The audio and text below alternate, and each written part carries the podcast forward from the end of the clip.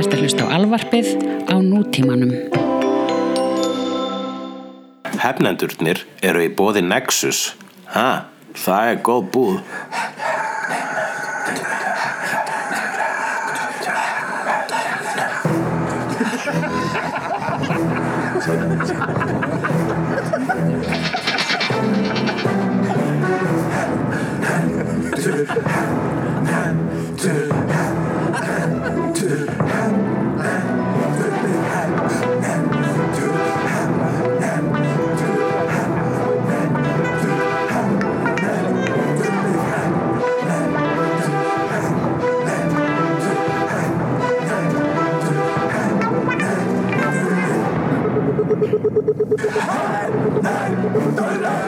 Jæja, hullu minn Já, ég er alveg að búin að bara Já, þetta er alltaf lagi Mér skilst að Mér skilst að fólki finnst ógslag gaman að heyra fólk borða í podcastum Jú, það er mjög vinsælt Sérstaklega þegar það borða svona slaframatti eins og þú ert að borða núna Högg Ekki, ekki svona nálað mér hérna Ekki vata mikrofónum að mér, veistu hversu afgristu það er Ég, Þetta er bara svo heillandi hljóð sem að heyrist Þetta heyrist alveg nóg af þessu hljóði, aðra minn en, en hann nær kannski ekki þessum svona finni blæbreyðum sem ég heyri verandi í herbygginu við hliðina Aðra, please Það var ekki bara það, sko, það var ekki það að, já, með ykkur gagvart áhörnum sem þú er ekki að heyra fólk að borða mm -hmm. Mhm. Þetta er bara þegar maður er að njóta mat og einhver óta mikrofón framan í mann það er bara þetta, þetta, mér fannst það óþægilegt svona á persónulegu leveli Já, fannst þess að þú varst svona að reyna að komast inn til mín meðan ég var að kúka já, ég, er, ég ruttist inn í persónulega rýmið þitt. Já, best follows ég er ekki svona ég er actually ekki að skamma þenn þetta svona generally hafið svona "Huh, hvað, hættu þessu? Nei, þetta er alltaf lagi, ég átti, ég Fattu hvað ég átti, meina? ég átti kött Þetta er svolítið svona eins og þetta flengja með, ha- með hanglaði þegar ég er að reyna að þurka mig Ég átti kött sem, sem, sem kvæsti ef maður svona drublaðan á meðan maður var að borða sko. þetta er, ég held að þetta sé alveg svona eðli viðbröð Já Já, Herru, ég er alveg að vera búin Þú bara segir eitthvað með hann mm, Já, herðu Vangaveltir þínar um lífið til dæmis Já, lífið eftir ævar Nei, hérna Ég er aðlega að hugsa um hérna uh, Þetta Super Bowl dæmi Já, það er í hvað er að gerast Það, þannig að ég get ekki talað um það núna Tölum um það, Ha, tölum bara um það erum við þá farnir í hvað er að gerast? Bara right away, er ekkert svona vangavelta einhvern veginn á undan Ég ætti að spura mig Hvað er að gerast? Ok, Super Bowl mm. Já, horfður á allt- allt þetta dæmi Nei, Nú, ég horfði á allavega einhverju trailerinn í morgun já, ég er alveg Ég, ég bara búin að vera upptekinn Ó, þannig að við erum ekkert Ok, hvað hefur þú að segja um Superman, Super Bowl Ég er dæmið? bara forvitin vegna þess að uh, Ok, þessi Þú varst að velta einhverju Hefur fyrir eitthvað bara. rosalega, hefur rosalega stækka allt í hérna áhugum fyrir amerískum fótbolta viðsvegar út af þessu svona fantasy fótboltæmi og fólk er að móka samsett í lið og, og byggjum með alls konar áhuga og, og þekkingu á þessu, þessu sporti sem að bara hefur aldrei verið til staðar fyrir núna Ég finnst að verðum samt ekki að kalla þetta ameríska fótbolta Við skulum kalla þetta bara það sem þetta er Þetta er axlapúðarúbi axlapúðurúkbi er orðið vinsalíþrótt á Íslandi á þess að nokkur spilana bara svona áhörndasport og ég held að það sé aðalega kannski bara menningin í kringum þetta Já og þú veist að borða buffalo wing vangi og, og, og, Já. og, og hitta þetta og hittast strákarnir og drekka bjór og spjallum þá hvað Tom Brady er að gera og bla bla bla Þessi Tom Brady maður Djúlega það lítur það út fyrir að vera leiðilegsta mannvera á þessari plánetu ég sá Ég hann var einmitt að ræða þetta, ég satt hann með Jonathan og Bilgi í gerð vorum maður svona að reyna að horfa á hann leik mm. og við vorum inn á, inn á uh, Lebowskis og það var sem sé að hérna uh, það var sem sé fullt af Amerikunum þar og, og þau voru svona fólk sem var genuinely spennt sko, fólk í Patriots bólum og eitthvað -hmm. og ég var bara svona hey, we have to get out of here we are not welcome here this is not our place we are disturbing their religion we must leave ah. það er verið komið gest Mm. Hei, bara að pása með hann? Nei, auðvistu hérna auðvistu þrá, auðvistu hefnenda bíóið já já já rétt rétt rétt sem sagt, uh, já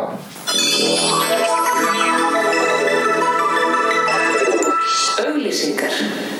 Uh, Við hefnendur ætlum að sína uh, geðveiki snildina Miami Connection á Hurra Við við þarf að fletta hérna upp dagsetningunni Láðum að vera að sjá Það er hérna einhvers staðar Svo hægt netið hjá honum hulla þannig að ég á alltaf erut með að, að, að láta þetta ganga hratt fyrir sig En, látum við sjá, jú, á Hurra 21. februar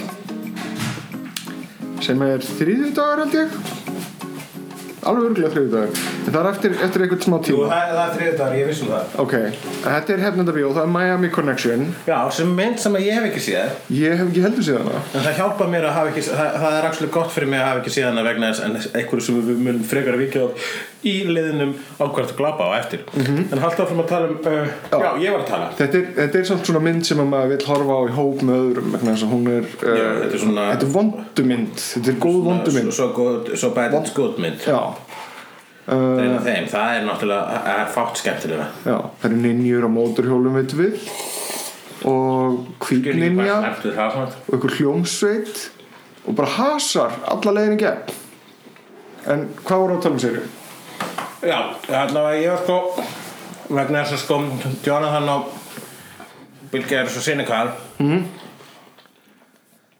og ég er með kvíðin þess að dana þannig ég var stressaður á að þau væri svona að dissa leikinn og kultúrin í kringu það Ok. þess að við vorum um, umkringt trúðu fólki helstu að þú heyrði laga minn ég held, all, ég held það að vera kvíðin sé basically að undirleikjandi halda að maður verður alltaf lamin mm, Hm, ég skil þig. ekki kringumstæðan bara, ó ég verður bara lamin ég getur eins og um lamin það oft á æfum minni mjög sjaldan axli já, sem að örgulega mörgum þy- þykir undarlegt mm. sem ég er með mjög, mjög men, lemjanlegt andlit ok er það ekki, ég heldur ekki að fólk muni verið lemja mig svona lemjarar, svo langi til að lemja mig ég veit ekki, einu sinni talaði við svona slagsmannahund sko já, uh, sem að fannst gaman að fara í bæinn og, og, og, og lendi í slag já, akkurat og ég svona spurði hann hérna, til dæmis mig hvort að hérna, hann hvort að ég var í típan sem hann myndi pikka fæt við sko og þá sagði hann, nei, þú ert eiginlega ekki virðis og ég held að þú sért svolítið svona á sama leveli sko ég kannski, kannski En ég- fræðin sem að- fræðin, þú veist að lemja fræðan Er það? Ég veit Ég, man, ég man bara eftir því þegar Ég bara sjón þegar einhverjum fá þetta gerist á sjón í einhverju sjoppu já það var svo furðuleg, furðuleg líkansáras Já, hann fyrir lemjalega, sko, fyrir svona lemjara já, Þú veist, það er svona, ef að þú lítur út fyrir að gáfa þér já, Svona, þá er, þá kemur það út kannski fyrir svona lemjara Svona eins og þú sért svona snoppaður og þykist vera betri en, þeir myndu þeir vita Sem er hver sjón er, er? Nei, nei, þeir sjá bara, þeir sjá bara Þetta er fyrir auðvithin sjáum mig motherfucker Þetta er fyrir 100 á Texas Nei, hvað heitir það? Reykjavík Whale Watching Massacre um, Sko Já, ég, f- f- s- en svo var nefnilega þetta var ekki þess virði að vera þarna alveg báskis vegna þess að þetta var útsending frá Sky Television þannig við fengum ekki bandarísku auðlýsingarnar já, ég skil þig það er umlegt En ég horfði að það að svona eh, slatta af þeim allavega trailerina í morgun ok, og uh, það var t- þú veist Transformers 5 Guardians 2 ég horfði að Guardians 2 ég var búin að sjá það líka búin að sjá Stranger Things Stranger Things 2 sem er actually, það, það, mjög spennandi. mjög spennandi sko. og ég myndi segja að það var eins og það sem ég var mest spenntu fyrir það- vegna þess að ég var- er kortið er ennþá spennt þú veist ég er spenntust fyrir Guardians 2 mm -hmm. en uh, Stranger Things þetta, þessi pínullu brot þau lofuðu einmitt þú veist góðri, góðu framaldi Já. það er að segja svona ok, við spurum okkur svolítið í fyrir þáttaröðinni, við ætlum að fara meira all in í annar þáttaröðinni og það er gaman mm. en það er líka trikkið þegar kemur að framöndum vegna þess að þú spara þig í fyrsta bara ok, ég er með þessu hugmynd mm. nú getur að gera þetta, þetta, þetta en og ekki blow my load og alveg strax sko og svo gerur þú tvö og þá ertu svolítið blowing your load og fer alveg bara svona, oh, svona ok, það er þetta þetta, þetta, þetta, þú veist, það verðlænarlaunari áhorendar fyrir að hafa hópment á fyrirmyndina en síðan kemur Return of the Jedi og þú bara hvað er ég að gera ok, ég ætla að gera mynd með að flei, meira af öllu en hún, Alright. hún verður ekki betri en nummer tvö ok, þannig að Stranger Things 3 gæti orðið overkill er þetta sem þetta blow my load reglum engin regla það er einhver reglur sem bransa sko Mér langar að kalla þetta svona eitthvað svona hefnenda patent eitthvað ég, ég, ég er ekki sammála þessari reglu ég, ég, mér finnst til að þegar maður er að búa til svona þá á maður að setja einhvern veginn allt sem maður getur inn í seríuna ég held að þeir voru takmarkaðar af fjármögnun þú veist, þeir, mátt- þeir gátt ekki Já. sett x mikið að dóti inn í einhvern veginn fyrsta Þeir veginn líka þú ert að gera þú streyndir því að segja þá ert að tjekka hvað fólk fílar og þe þeir voru kannski uh, kannski mun fólk ekki fíla allt þetta Ég held að- retro dæmi sem verður með gangi og svo kemur ljósa að allir voru að elska það ég held líka og allir allir á Facebook og s- öðrum samfélagsmiðlum þóttist vera þeir fyrstu sem sáu vísanirnar Mhm. og það er mjög það sem gerði, setti okkur hefnundur í vörð Mhm. mm. sem er bara við vitum það ég var mjög hrjuna því að sjá strákana í draugabarnabúningum Já, það er, og þú, þetta er næst, það er nú bara það sem þetta er, þetta er eiginlega too much. þetta gerist 1984 Hættið notabene, að það þú veist, verður það er verið að runga okkur með báðum höndum. já, Það er bara svo, ok, ég- já, ég veit, takk, hættu. Það er svo svo hjá okkur sem er of hrifin af manni og bara svona, þetta er ógslag gott kynlíf en ég held þetta stefni ekki í gott samband. á, já, já ég held að þetta getur verið það Fattar, já, Nákvæmlega. En þú veist, ég hlakka til að eiga þ- þessa stund aftur mm, með, með Stranger- Stranger Things Ertu að meina það að núna er hrifning? uh, Já, háttu við er ég orðin skotin í Stranger Things ef við erum notað myndlíkinguna að sofa hjá um? okkurum Ég, ég, ég er bara að reyna áttum á líkingunni í þessu samingi Já, ég veit ekki hversu langt er þetta að fara með þessa myndlíkingu en þú veist, hvað hva þarf maður að- er ég byrjar með Stranger Things ef ég horfa aðra serju? Er ég ekki bara farin í annað svona fling og svo tölustu ekki við í svona árum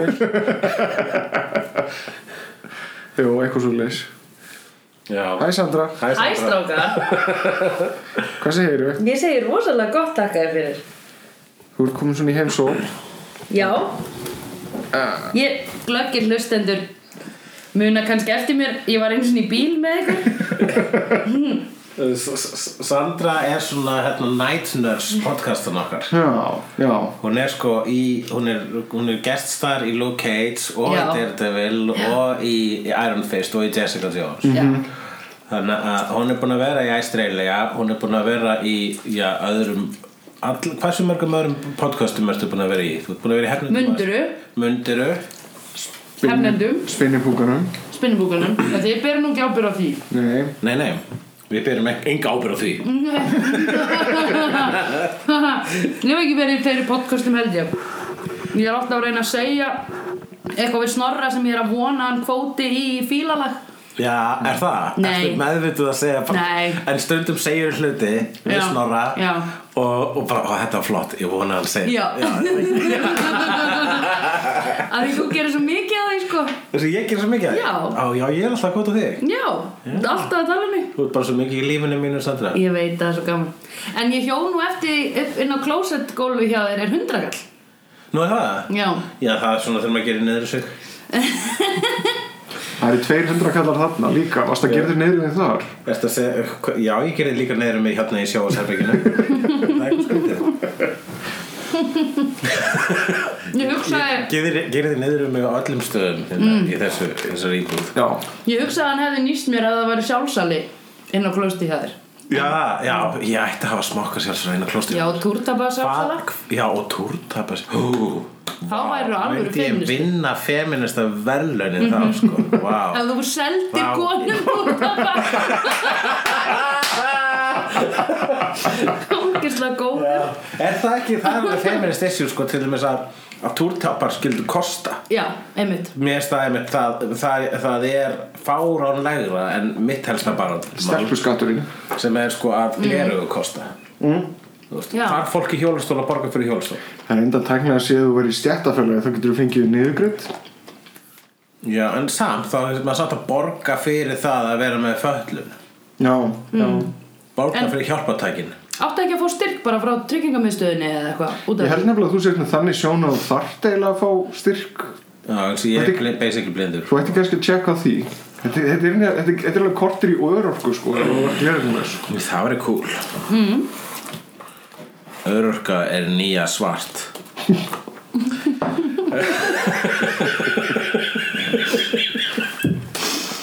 Heyrðu krakkar mínir Við vorum komin í uh, hvað er að gerast Já. Ég er með eitthvað að skrifa hérna niður Ég, Já, ég, það er reyndar ég ætla að skauk inn í einu skemmtilegu hérna Já, það er það á Twitter sem við vannrækjum alveg gífulega mikið jú þar kemur aðli sem heitir Einarsveit Er það, er það spurninga frá plánutinu jörð? Nei, þetta er ekki spurning frá plánundinu jörð þetta er hérna, komment á þátt síðasta þátt eða þar síðasta þátt Já, ok, leirting gefur uh, það sem að, nei nei hann kom, eh, ég, ég talaði um það kallaði Cthulhu Já, og það var ekki til neitt vondukallanafn á mig já, ok hann kom með vondukallanafn sem ég er mjög hrifin af Jæja. sem er Brundleflævar Herðu, það er mjög, þetta er deep cut Mér finnst þetta helviti gott Þú skalt alveg vera sáttið við þetta við sem fórum líka báðir í svona mikið body horror basically Ég fór í Cthulhu og þú fyrir Kronenberg Það er góð tvenna Nákvæmlega Ok, Brundlefly var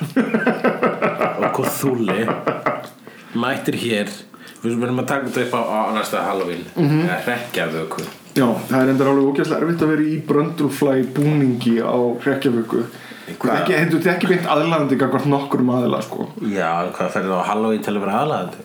Já, Þú- þú- þú- þú- allan allan þannig að þú veist, fólk hrekkur ekki við einhvern veginn við að sjá þig En þú vilt frekar að finnst þú sexy Það er kannski á meira að finnast ég vera sniður En ég meina þú veist, þú, þú, kannski fólk muni ósjálfrátt hugsa um Jeff Goldblum Já, já, og hugsa, úúú já þetta er ah, sexy Jóhann Ævar Goldblum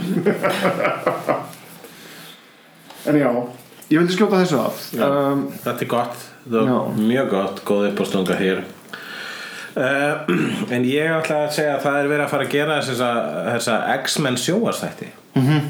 veit, það, veit, Maður veit ekkert um þá Nei, Þeir eiga að vera hluti af X-Men heiminu sem er búið að stablisa í kvikmyndunum já Og sem Brian Singer er að pródusera þetta ég er á þeirri skoðun að það þarf að rýbúta þetta kæftæði -hmm. ég er á leiður á þessu, þetta er skrítið þetta er undarlegt í hvaða heimi á þessir X-Men í, hvað, í hvaða, þú veist í síðustu X-Men minn þá rústaði Magneto einhverjum mörgum borgum í einu Já. óperuhúsinu í Sydney og ég veit ekki hvaða öðru kennileitum merkjum hvað sem það segir sem kennimerki Kennileiti kennileiti og hérna Ekki leiðréttan, leifunum að Nei, please, þú verður að geta annars læri aldrei -hmm. Og ég sagði mitt, var ég í Gíslamartin, ég er búin að vera með gjafirskupið mm. Ég var í Gíslamartin og Íslanda á fyrstudaginn mm. Og í Gíslamartin sagði ég ætla að horfa á uh, fanga á beit en ekki í beit Ó, og svo, og svo sá ég á netinu eitthvað bara svona, mér þóttum nú finnast þegar hugleikur mm, sagði ég ætla að horfa að fanga á beit En ekki í beit Já, Hvað það er þýðir rétt, í beit er það að horfa á allt binge að bingja sko. Já það er svona, þú, þú kóinar þessa þýðingu er það ekki, Aha, Eða þú, ég er þarna frá þér ok however uh, en þ- mín afsökun var það að ég var úr sveit og mín afsökun rýmaði við ásökununa þannig að Já Ha, ha, ha. það en um, hvað ég vildi sagt það þá er Tala um apocalypse. þá er sko X-Men kvikmynda bara ein stór hrúa af messi mm. eftir síðustu mynd og þar síðustu mynd Mér mér langar bara ekki til þess að, að uh, Brian Singer fá að ráða X-Men svona lengi nei Ég vil fá, fá ferska sína á hann heim Ég vil Kannski bara ekki þeir rýbúta þetta Brett setja þetta- Ratner en þú veist Nei. tala um, tala um þú veist, eitthvað, eitthvað annað en Brian Singer setja all... þetta á eitthvað street level gera þetta vegna þess að það sem að er cool við X-Men að það er ádela á veruleikan sem er þetta er ádela á rasisma, homofóbíu og, bara, og, og á það að vera úlingur þú veist þetta er speilmynd úlingsins í rauninni mm -hmm. að vegna þess að öllum úlingum finnst þau vera öðruvísi en allir aðrir og hrættur um að vera aðrir sem aðrir en þetta er um það að fæðast öðruvísi en aðrir En sko, og, uh, og það, það er hægt að gera þetta á svo marga góðan hátt en það er bara búið að sprengja hann heim já, en sko mál er það Við erum samt að fá uh, eiginlega tvær X-Men serjur og einn kemur talsveit á undan Lee John Legion er eitthvað sem ég er alveg sjúklega spenntur fyrir það á ekki að vera hluti af Cinematic X Universe Nei, það er, það er það sem er gott við þá serju já, akkur gera ekki bara byrjar ekki þar og trailerarnir sem að Reboot þetta með Legion og trailerarnir sem hafa komið fyrir Legion líta bara djöfelli vel Já, lítur ókíslega vel út Af hverju bara búa er ekki til nýjan cool heim Nota pínu Netflix Marvel sem fyrirmynd bara byrja upp á nýtt á X-Men það er ekki eins og það aðri hlutir hafi ekki verið rýbútaðir síðan að X-Men 1 kom ú- út hvað hljóður þetta? Þetta er Ertu vist bifur? faratæki sem kallast bíll Það er hérna fyrir utan á fyrirbæri sem heitir Gata það er sem bílarnir eiga heima nema þegar þeir eru í bílastæðum Nema þeir eru bílastæðum en þar sofa þeir já, Bílastæði kalla ég bílarúm þessi Brian Singer vinnur ykkar eh, var það hann sem gerði First Class nei Nei, hann er bara Nei. gerði ekki first class en hún var skemmtileg Mhm. Hún var skemmtileg það var hann að þegar Það var nokkuð skona reboot já og hefði þetta haldið áfram á þeim nótum Ef að- ekki bara Matthew Vaughn, hvað heitir hann? uh, jú með Vaughn, þetta Matthew Vaughn Leikstir, ef hann hefði haldið áfram En hann fór og bara gerði Aðrar awesome comic book myndir Já, hann var Já. að fara að gera eðna, Days of Future Past og síðan kemur Singer eðna, hefði þrjókar, má ég ekki eðna, blenda vinnu mínu með þetta líka og bara gera Days of eðna, ég, ég get fengið Patrick Stewart og svona Já, og það var líka máli sko Þú veist, konsepti fyrir Days of Future Past Og það að að Brian Singer skildi gera Var ekki slæm hugmynd Mm. Þegar við heyrðum að henni Vegna þess að hann hefur þegar gert tvær mjög góðar X-Men myndir Svo Já. kemur að ljósa að hann bara Ég veit ekki hvað er gerast í kollinum á Brian Singer Hann er núna bara Já, við höfum bara alltaf- breytast næstu því eitthvað skona Michael Bay nema að þú veist Michael Bay alltaf er kjast upp við það með að vera Michael Bay vegna þess að hann er Michael Bay við höfum alltaf kviksilur sinna Við höfum alltaf kviksilfur senuna sem að er besta senan í þeirri mynd en um leið áminning á eitt stærsta, einn af mörgum stærstu göllum þeirra myndar sem er af hverju tóku er ekki kviksilfur með allstaðar Þeir voru með bara svo, ó, þeir eru með, við erum með gaur sem getur rettað öllu á sekundubróti Nei, við þurfum hann bara einu sinni Þetta er insanity Þetta er, það er, þetta er, þetta er gödóttari en gödóttur svisneskur ástur með ekstra gödum já, út á Mm. gödu eins og bílarnir sem að sofa í stæðum já bílarúmum hvernig gengur hann að sérna þetta að horfa inn á myndadag Þá fyrir við í Á hvað erst að glápa? á hvað ertu að glápa um, ég er búinn að vera að horfa á hinur þessar myndir áður en að ég fer já, vegna þess að ég tók, er með meistaramánuð í gangi Mhm. -hmm. það sem ég horfi á eina mynd daglega sem ég hef ekki séð áður þetta að þú sért með mestramyndmánuðin er það átt ekki verið eitthvað svona heilsumarkmið hei, gauðin Nei. sem talaði við mig Þetta má bara vera hvað sem er. Mhm. einhver frægur handbóltagaur hann hafði samband við mig svo hann ennum þú að gera þetta já, Við- og hann sagði, þú bara- mátt gera hvað sem er ok, þess vegna að fara s- hérna, að sofa fram eftir á hverjum degi Ert, þú ert alveg viss um það að þú sem sagt áttir í samtali við hann og þetta var það sem hann sagði en ekki ég bara það sem þið hugsaði langaði til að gerðist, það heyra gerðist ekki og þú ákvast að það væri satt Nei, það er Hulli bara með sér reglur fyrir það er allir aðrir að setja sér heilsumarkmið Hey. Hulli fekk að ráða já, meistaramánuður er basically hvað sem er pluss að þetta er bara eitthvað svona bankaauðlýsing þannig að þeim eru drullu sama um heilsuna þína mm. þú veist þess vegna þú veist, ætli að þjón ekki jafnvel bara hérna, óheilbritt lífverðin ætli að þjón ekki bönkunum á vissan hátt já. og er þá, er þá Jú, eitthvað skulda meira, Já, skulda borða meira er þá eitthvað fólk sem að nýtur góðs af þessu þessu átakið þínu Ég veit, sko, mér skilst að ég veit, ég held að ég að fá einhverja upphæð fyrir þetta og þá myndi ég láta hann eitthvað góðgera þetta mig Já, mér finnst ógeðslega fyndin tilhugsun einhvern veginn að sjá svona lista af fólki hérna gekk á esjuna einu sinni í viku Boring, fór fór að synda á hverjum degi glatað skokkað á hverjum degi horfða á bíamönda hverjum degi Awesome, frábært Ég fer í nýjan heim á hverjum degi -hmm. og í heim sem ég hef ekki farið áður Mhm. Já. Ég nýti þessar myndir sem ég hef keft og bara hefði kannski aldrei hort af hefði ég ekki farið enn meistaramánuð mm Mhm. -hmm. Ég læri nýja, ég læri að, að hérna, eitthvað nýtt á hvernig þau basically ekki miskilja mig, mér finnst þetta awesome ég, Ég ég, veit. bara, ég bara vissi ekki að þetta var leifilegt Eh, Já, þetta er leifilegt Gæti ég- og ekki, en ekki leiðilegt já, ek- þetta telst svona næstu því uppbyggjandi uh, gæti ég s- sem sagt sagt ég ætla að borða súkulega hverjum degi Þú gæti gert það en ég meina þú veist Það er ekkit Það það er, þú veist, það, ég þarf að taka frá þú veist, tvo tíma á dag til að gera þetta ég skil þig og eh, eins og við vitum uh, þá er erfitt að íta play á nýjum myndum það er auðveldar að fara í örugt svæði, örugt svæði. Já, ég þekki það mjög vel já, ég er samt og eh, ég er komin núna með fimm myndir í bankan og strax orðin vanur þessu strax hlakka til þetta er, orðið, á- þetta er axil orðið áhannabindandi mm -hmm. wow. þannig að sko þetta er ég bara mæli eindreið með því að fólk bara horfi á ef að það hefur ekkert betra að gera mm. ef það á ekkert líf eins og uh, yours truly þá er það mjög sniðut að eigða þessu ólífi í að upplifa kvikmyndir sem þú hefur ekki upplifað áður og það er dásalega tilfinning talandi um þær myndir, á hvað ertu að glápa? Hvað, hvaða myndir ertu búin að vera að horfa á? áður en ég fer út í myndina sem ég er búin að vera að glápa þessar óséðu myndir Ok. þá langar mig til að tala um eina mynd sem ég horfði á um daginn sem ég hafði séð áður ok, og það er svo Marvel mynd sem ég hef sjaldnast séð ekki séð síðan í bíó og það er kvikmyndin The Incredible Hulk Edward Norton hulkir Edward Norton Hulkin mm.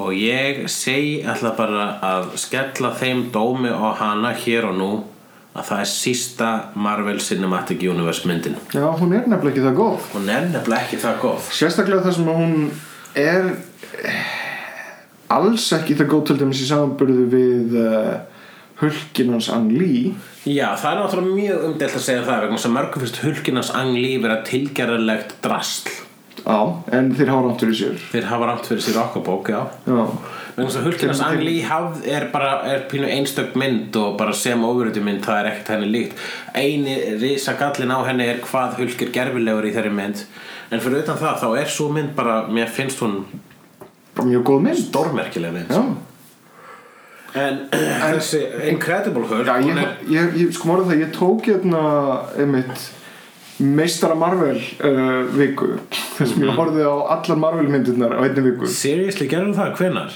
það er bara fyrir rétt fyrir hérna Civil War held ég Já, ég sagði ég mér þurft frá ég þurft að grípa myndirnar hér og þar einhvern veginn uh, Akkur sagði mér ekki frá þessu ég, ég held að ég hafi sagt þér frá þessu í podcastinu Á, akkur Ah. var ég ekki að hlusta á þig? ég, veit- ég veit það ekki, Ég er slæmur vinur, mögulega ég byrst En- fallouts. en ég horfði, ég kannski, ekki- kannski ekki alveg allar en allar þessar sem ég hafði ekki verið að horfa á reglulega ja, síðan frekar nýlega allavega og Incredible Hulk, ég hafði nákvæmlega þessu svona upplýðin og ég veist það mjög ekki skemmtileg Alveg bara þetta í lo lokabardaginn hann, milli hans og Abomination Mhm. og við höfum sagt það áður, við erum báðir saman um það að Abomination er illa gerður í þessari mynd. Mhm. -hmm. Ekki spennandi típa. Og líka einmitt svona risastór, það er svo, það er svo vandræðilegt líka, hann er með þetta, þetta vandræðilega element sem að Thing var með í nýjastu hérna, Uh, Fantastic Four myndinni það er það að þú ert svona allsbært skrýmsli með ekkert tippi já, já, Það er alveg bara svona En ég- Gefum hún tippi maður. það er kannski þetta er kannski líka alltaf á endanum að Abomination er svo geðveikur villan Já, hann er, geð, hann er líka Hann er tragískur já, sko og bara hann er alltaf, alltaf einhvern veginn þjakaður og, og, og, og grætur. grætur já, nákvæmlega Grætur þegar hul, hann er að berast við Já, hulk en þarna var þetta bara, þú veist, Monster of the Þannig Week er bara Yeah, you, you don't deserve this power Og allt þetta svona Power Þegar einhver vortikallir er svona oh, The power Þá er maður svona Ég skilði ekki sem uh, Típu Ég held nefnilega að þetta sé Það valda sig ger þetta Mér finnst þetta nefnilega alveg svona fundamental klúður þegar þú ert að búa til skrimsli að, að, að ekki gefa skrim, skrim, skrim, hérna, skrimslinu tilfinningalíf Þetta Þú veist, King Kong, hann, hérna, þú veist, hann elskar Ef og við tökum saknar bestu Marvel vondukallina þá er allir mjög Loki og uh, Kingpin og þetta er allt, mynd, allt eh, báði þeir til dæmis, við tókum þá tvo bara -hmm. þá eru þeir, þeir eru m- menn með tilfinningar -hmm. þú veist, eh, Loki er alltaf svona næstu frá hann að gráta vegna þess að hann fatta alltaf í smá stund bara svona, fokk, hvað er ég að gera -hmm. og Kingpin er, einhver svona, er, er með sína tragísku fortíð Eitt flóknasti og, og, karakter og, og líka með þessa ást á konunum sinni sem er bara svona trúarleg og, og, og maður fær samúð með því samband á einhverju leveli með þess mm Mhm. -hmm.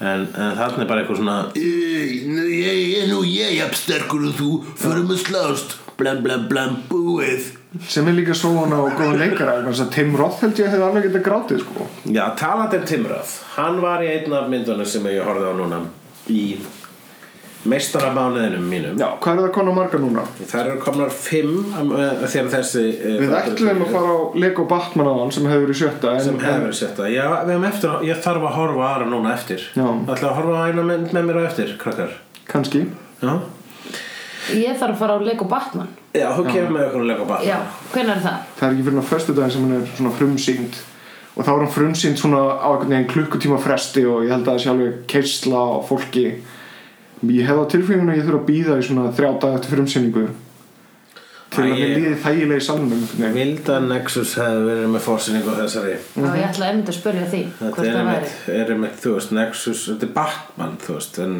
en Lego er kannski, s- Hún er að fá rosalega góða dóma bæði veginn ég trúi því vel, bara trailerinn aðeins. Hann er geðveikur Fyrsta februar horfði ég á kvikmyndina Resident Evil Retribution sem mér skilst að sér fymta myndin ef ég mann rétt í... Það er það, er það allra nýjasta sem hún fórst að í bíó Nei, hún er nummer 6 sem er í bíó sem Já, heitir ok. Final Chapter sem er alltaf var á saman myndir, var á saman titlar kallað mynd vegna þess að ég er aldrei Final Chapter. Ég gæti ekki endur tekið Eh. plottið í einni einustu Resident Evil mynd Ó, jú, það er mjög heit gæla að halda upp tveimur byssum og skjóta mutant zombiur á meðan hún segja one-liner Það er ekki plottið reynda Jú, það er actual plottið í öllum myndunum Nei, það er alltaf eitthvað fólk frá Umbrella Corporation Jú, jú, sem það hefur eitthvað er eitthvað skoðanir á því það er eitthvað Ég handrit skil þarna. ekki gameplanið þeirra Ef þeir- ef þeir- er þetta fyrirtæki sem ætlar að eyða öllu mannkynnu svo að hvað? Svo að þeir geti verið orn á öskuhugnum og sagt Við unnum, teljum peningun okkar, hvað er við að kaupa?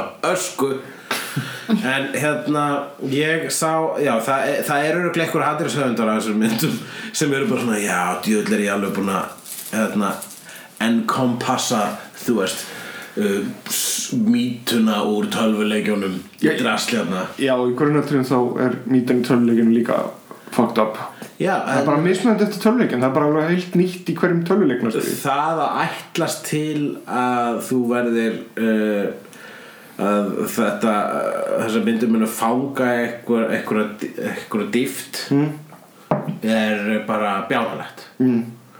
en um leið og fattar og þú ert að fara að sjá Milo Jovovits í einu myndunum sem hún leikur í í dag mm -hmm.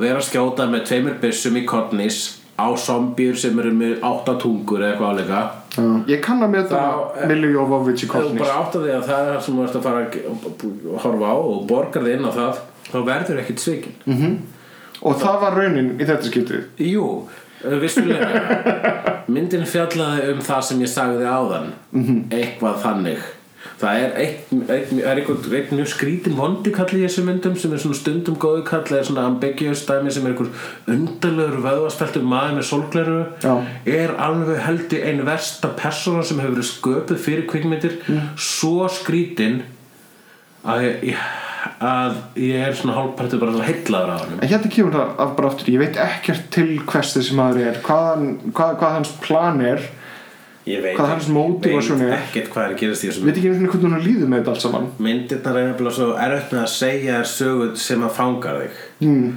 og, eh, og þú áttar þig bara svona alltaf á fyrstu tíu myndunum að já, ég er ekki að fara að fylgjast með þessa mynd per se, ég er bara að fara að horfa á blóðslettur Hmm. mm. og það er gaman svo horfði ég á Sjálfs daginn eftir það, Já, þú veist ég hana ég sé hana, topp ræma maður já ég veit það. já, ég meina uh, Solid hákalla, Já, hákallin er solid og, og, og, og hún er góð og leikona og allt það, hún er með mjög leiðilega baksögu mm. en hún cares já ég veit með þetta er basically þegar myndin geta byrjað, Já, bara hún að að surfa og síðan fyrir allt til landskotnars. maður þarf að fá samt einhverja svona persónuleika og persónuna svo maður veit hverju maður er að halda með hana Ég veit ekki, ég held að ég hef alveg getað fundið til með henni Já, ég sá fyrst hana fyrir utan. Ég held að það séu hræðilega aðstæður með því. En bara einn besta hákallamynd síðan ég maður ekki hvenar sko. Sama hér. uh, Svo síðan, síðan, hva, hvað hér þáttu myndin með þarna sem að hann uh, Samuel Jackson Yes, they deserve to die and hope to burn in hell Ah, Ég náði hann ekki vel akkurat hann Ég var með hór í hálsunum var það Deep Blue Sea ja? Yes, they deserve to die Nei, ég er, ég er alltaf hást til að ná honum -hmm. En hérna Já, það er svo mynd Það er, hún hún var skemmtileg Þessi er betur en Deep Blue Sea -hmm. Eftir Renny Harlin mm -hmm. En e, svo horfði ég daginn eftir á mynd með þér og Jonathan Við horfðum á hana allir tipsi eftir stráka, kvöld- stráka pítsukvöld hérna Já, Og það var kvikmyndin Super Vixens eftir Russ Meyer rísa tipp og rísa brjóst Já, það er mjög mikið af brjó, stórum brjóstum í þessu mynd og slatti af stórum tippum í þessu mynd Þetta er ekki softmynd Mhm. Soft core-ish Þetta er softcore-ish Já, einmitt. ja, nei, þetta er eiginlega bara softcore Það er ekki Ég verð, eh, sko, ég hef ekki séð mikið Ég hafði bara séð fastu Pussycat Mhm. -hmm. og undan þessari af Russ Meyer myndunum og fastu Pussycat er sögð vera Jú, ég hafði reynda séð Beyond the Veil of the Doll Já, og og svo og þær er- báðar eru frábærar sérstaklega fast- fastu Pussycat en þessi mynd var stórkúslega skemmtileg Mhm. Hún er alveg Mhm. vegna svo- þess að it didn't quit -hmm. það var alltaf eitthvað að gerast það er skemmtilegt nef- nefnilega með þessa mynd er, Gætur þú svumulega sett plottið í henni? Ég gæti ekki byrjað að segja plottið Ég veit Það hvernig- er fólk sem fer á milli staða og einhverju hlutu vegna er alltaf nekt þar sem það fer Þetta er, þetta er, svona, það er alveg það er- þetta er, þetta er maður sem er freymaður fyrir morð Já, mér, sem ég, hann lendir síðan í æventýrum ég man hérna svona bara þegar þú spurði eitthvað tímabili svona, er hann ennþá að flýja út af morðinu og ég bara byrju hvað morðinu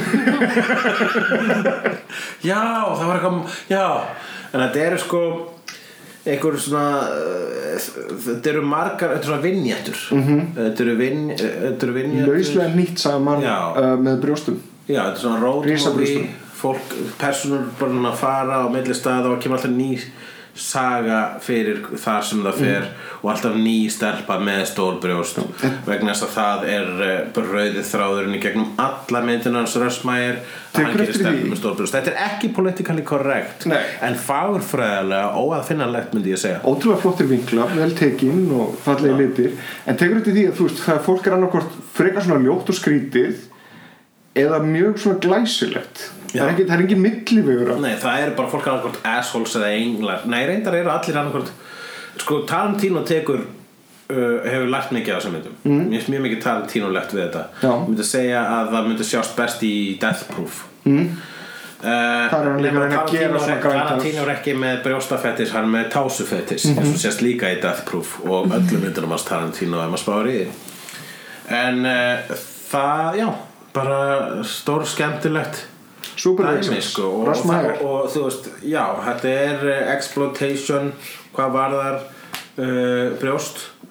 en á sama tíma er hægt að gera heiðlega tilraun til að afsaka það með því að það eru alltaf konurnar sem eru hetjurnar og konurnar eru alltaf vinnirarnir í þessum myndum en ég meina þú veist það er þetta að verja svona stór brjóst Það er gott að vera þessi með þeim það er gott að vera sem með þeim mm. það er ókslega fyndið að aftan á, á hulsturinu fyrir supervegsins þá er lýsing sem er alveg bara slatti sem að næra að segja alls konar spennandi hluti án þess að segja nokkuð skrapaðan hlut um sjálfa myndina já, hann er að lesa fyrir okkur Ok, uh, geared for the times, Russ Meyer's Supervixens wields the double-bladed axe of satire, cutting and hacking its way to the very bone of society, laying bare and exposing with great candor the frailties, weaknesses, and strengths of its citizens. A picture born to entertainment, shocking in its frankness, yet so hilariously funny in its delivery, a cinematic smorgasbord of erotic fantasy, six of the world's most bountiful women served up from the lusty table of Russ Meyer, feast on it. Um hvað fjallar þessi mynd?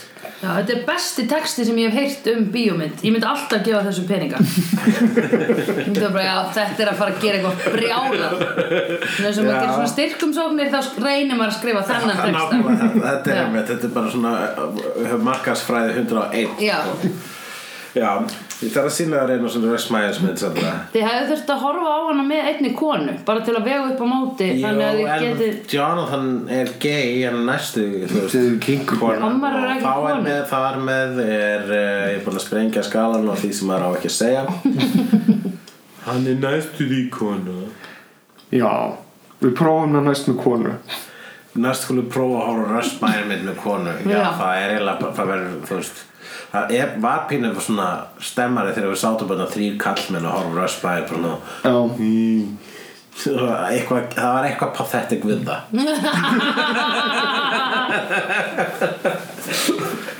Eh, Næsta mynd var, er í al, al, intellectually í þver öfuga átt horfði ég á uh, ásamt uh, þrándi frænda og sögu Garðars á kvikmyndina Rosenkrantz and Guildenstern are dead mm. sem er Hamlet spin-off Já, hún er frábær hún er æðisleg ég hef ekki séð hana þar Þetta er með hérna, Tim Roth og, og Gary Oldman er það ekki? Tim Roth og Gary Oldman Já, ég man eftir að ég horfði á hana og það, þeir leika Rosenkrantz og Guildenstern og með ekki einu svona þeir personana vita hvor er hvað það er svo gefnur gákandi brandari vegna þess að það hefur náttúrulega alltaf verið brandarinn um Hamlet og þessar personur í Hamlet bara svona, ok, og hvor er hvað, af hverju eru tvær personur það hef, þetta hefði getur ein persona en það eru tvær personur og það skiptir einhver mál hvor er hvað Uppáhaldsatriðið mitt er þar sem að þeir eru í felum þarna baku gluggat, eh, baku tjöldin hann með honum eh, Polonius Polonius og hérna er í panikki þegar hann er myrtur einhvern veginn fyrir fram að þá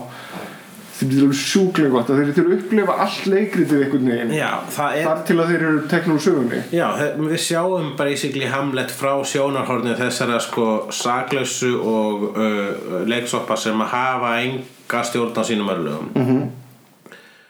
og við sjáum þá svona verðstundum að njóstum hinn og þessu ön- önnur atrið í Hamlet og, og ég er mjög mikið búin að vera að lesa Hamlet og skoða Hamlet upp á síðkastið og það er einstaklega gaman fyrir Hamlet nördin í mér og horfa á slíka mynd um, Ég vil bara minnast á eina bók sem ég las einsinni sem heitir maður ekki nákvæmlega hún heitir hún heitir eitthvað svona Dark and Balek are dead mm.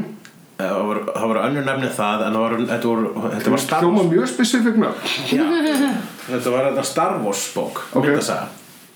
um tvo gauðra í hérna sem að störfuðu í korvettunni hennar prinsess Leia í byrjun á New Hope þeir mér rámar eitthvað í þetta Já, og þe- þe- þe- þe- þessi hugmynd sem að þessi myndasag er, hún er byggð á uh, hún er byggð á Rósinkar sem gildistunum þetta mm Mhm. -hmm. það er að segja hvað ef að við myndum taka tvo karaktera sem skipta engum máli Já. og horfa á Star Wars fór þeirra sjónhörni svo fara þeir og stela einhverjum stormtrooper búningum og verða einhverju tveir stormtroopera sem eru á kantinum þú veist þegar að Obi-Wan í drepin og svo leis og lenda bara í gegnum allu, alla söguna svona fyrir slistni hér og þar mm ógíslega skemmtileg bók ég man ekki hvað hann heitir en ég skal reyna að muna að posta því á hefnundasíðunum Já. ok, og fynda myndin sem ég horfði á var uh, Gamera 2 Attack of Legion sem að er tæknilega tíunda myndin sem hefur verið gerð um Gameru sem Já. að er uh, japansk kaiju þú ert með Risa- þarna Gamera Leg Legion Collection Já, Legacy Collection Legacy Collection, 11 myndir og þetta, þetta er mjög fullt sagt Já, ég meina það þarf það er hægt að tróða þrjum myndum eitt disk ok, og hérna Gamera er uh, risaskjálpaka sem er veru jörðina gegn uh, vondum risaskrimslum þannig að þetta var er- Gamera 2 Attack of Legion Já, þetta er tvö í rebootinu Já, já, já. eftir nýju myndir þá var þessi, þetta rebootað árið 95 -hmm. og nummer tvö kom árið 96 Mhm. Já. og þetta er bara klassist kaiju Kalli- einhver gaur í búningi að tra- trafka á mótelborgum og með mjög skemmtilegum svona, þetta er frá 90 og eitthvað en- en tæknibræðlega er mjög 80s hver er munurinn á Svona Gojira og, og, og Gamera? Godzilla er svona risaðalega gamera er risa skjálpaka ah. That's basically it Gamera, gamera getur flogið og flýgur um mjög svona kjánalan hátt sko. Já. og svo, hún svona setur inn afturfætuna og svo, þá breytast hólurnar í svona mót, svo, í, úr, basically þóttu reyfla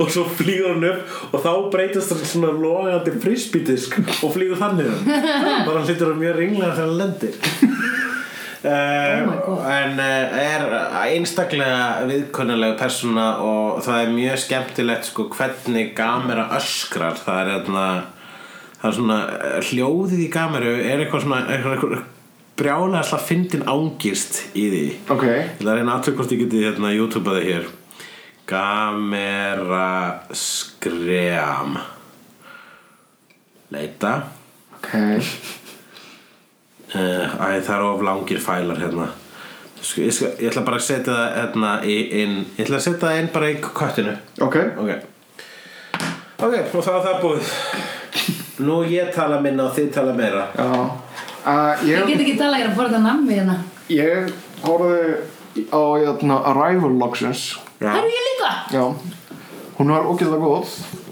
svona uh, já, hæg og fín mynd, gott sci-fi gott, góð vísindi í henni, mér finnst það alltaf gott hvernig fannst þér hún?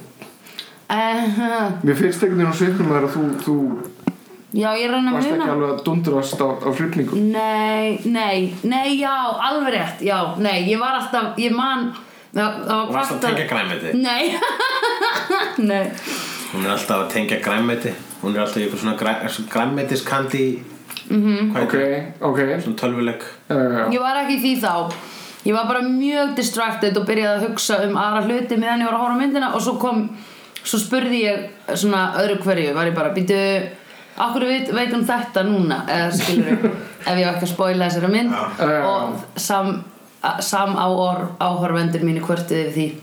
að Já það bara svona, já það var verið að svara þessu Já, já, já, já. Hún er bara að horfa já en ég held nefnilega hún hafi ekki verið með texta þá verði ég svo rugglu þegar það er eitthvað svona vísindamál Já, ég veit það Þú verður bara að koma með mér í bíó og það er texti já, Þetta er einmitt þessi niðurhalli já, þetta var einmitt ólöglegt sko en ég gerði ekki á mína tölvu sko Mhm. Nei, nei En geimvísindi En geimvísindi gegnum málvísindi Þetta er Já. mjög skemmtilegt koncept absolutt, það var áhugavert Það var en gullfalleg mynd og hann næstu hefði, hefði alveg getað rata á topp 10 listan okkar, nýju listan okkar Ef ég hefði bara séð hana Hún hefði örgulega farið inn uh, Síðan sá ég mynd uh, sem heitir La La Land Já!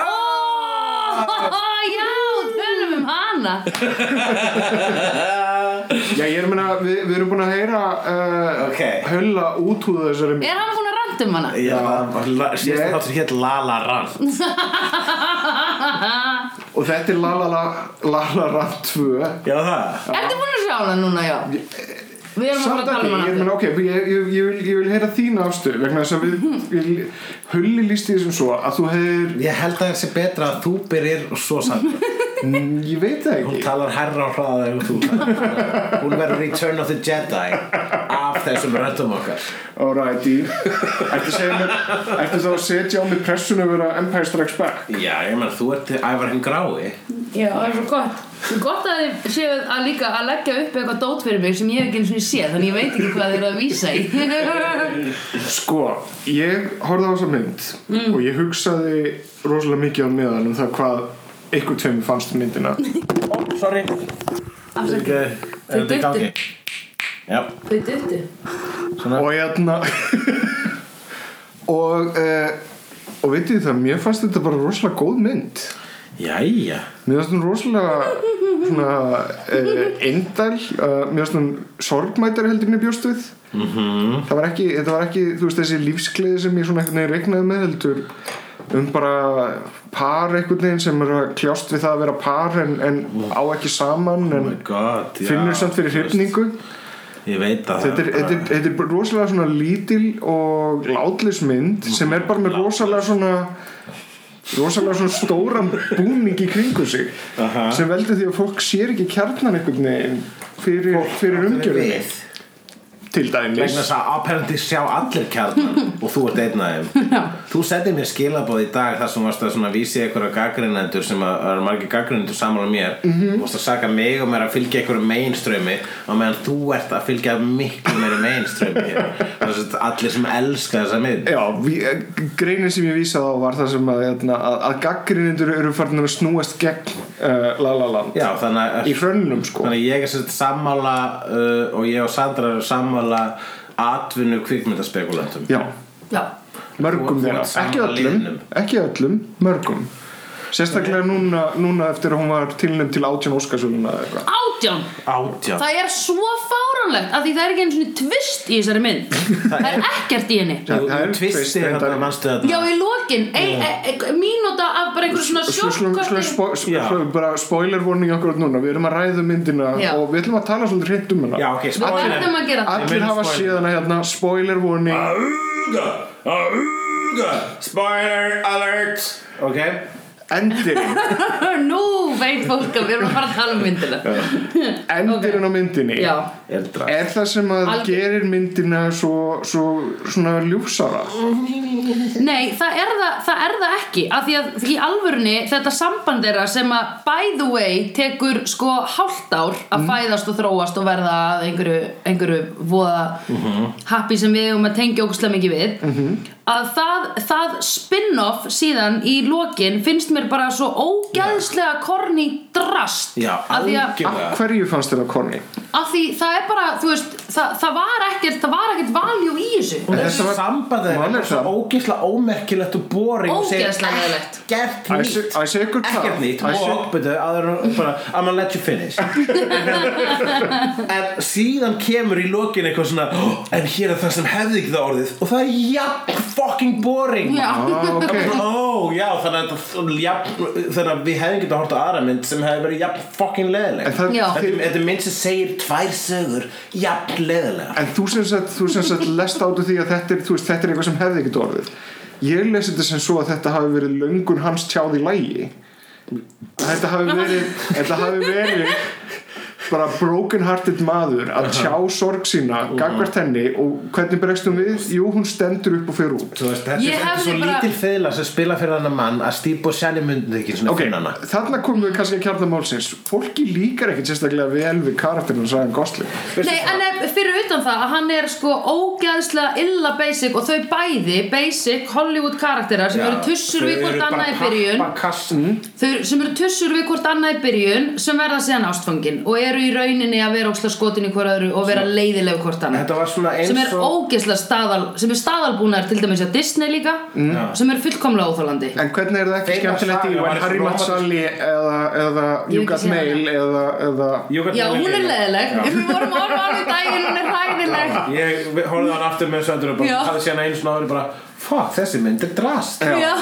En hérna er Slík Men lesson Harry sé. Matsali Það er góð mynd Ég hef hort á hana nýlega, hún er Mhm. mm góð Hversu er hún góð? Vegna þess að personurnar eru skemmtilegar og segja sniðu og hluti Ég skil þig Þau Þessi- segja ekki neitt Nei. Maðurinn segir jazz Og hún segir "Ah, audition Og maður bara svona, Já. oh my Just, god just, just Audition, audition, Just, audition just.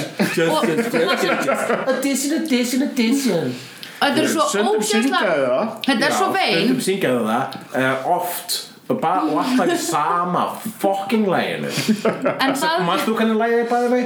Auðvitað Eh, ekki, vegna þess að ekkert catchy við þessa mynd Ég hefði verið til í að horfa á bara ógeðslega blatandi ástarsög Ég hefði verið til í að horfa á ástarsöguna sem við fengum að sjá hann í lokin Mhm. Með bara góðum lögum Já. Og bara mér er alveg sama þó að hefði ekki verið nein vandamál Ekki Gerið drís eitthvað Bara, rétt þú veist, eitthvað basic. eitt rétt Já. Þú veist það er svo rétt í þessa mynd, það er svo flott í þessa mynd Það var kvikmyndatakan og nokkur góðu dansar Ég held nefnilega að það sem ykkur langaði í var happy feeling sem þið fenguð ekki og þess vegna eru þið svolítið svona Nei, Nei, ég nei, var ég leiður gaf á þessu- þessar ásökunum Ég Já. er líka leiður á ásökunum að sé að vera senikalega tilgjörn Sambandi var ekki happy, lögin voru ekki happy Það var alltaf svona Það sem að er bara glæpur nummer eitt En sem hún var, er versti hún glæpur var í ever. happy búningi allan tíman og þið bara halló happy Já, en síðan var Ég er hún svo ekki glæður happy út á sannalóttur Þannig að annars var þetta ömulega þáttur En hérna uh, Hérna Sko, það sem að þessi stærsti glæpur sem myndar er og ég sagði þetta síðast og ég segi þetta aftur og það er og það er ekkert að gera með hversu mikið dikkan Ryan Goslingar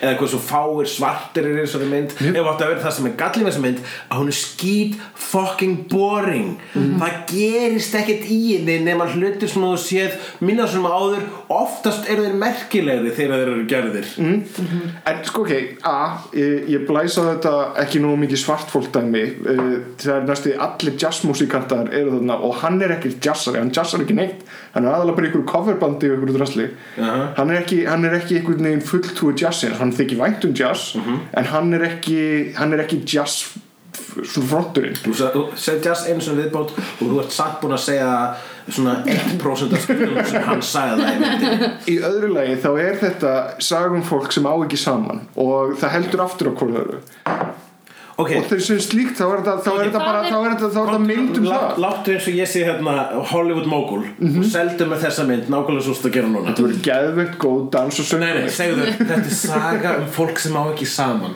Já, ég veit það að hann seldi þetta ekki á þeim fórsöndum Nei, ég, ég vistu það ha, ha, þessi maður þetta fjármagna myndina Mhm. sjálfur að tók hún ógíslega langa tíma að fá samþykki fyrir henni ég skil hvers vegna Þannig að Hollywood mogulurnar er bara svona seriously í alvöru Mhm.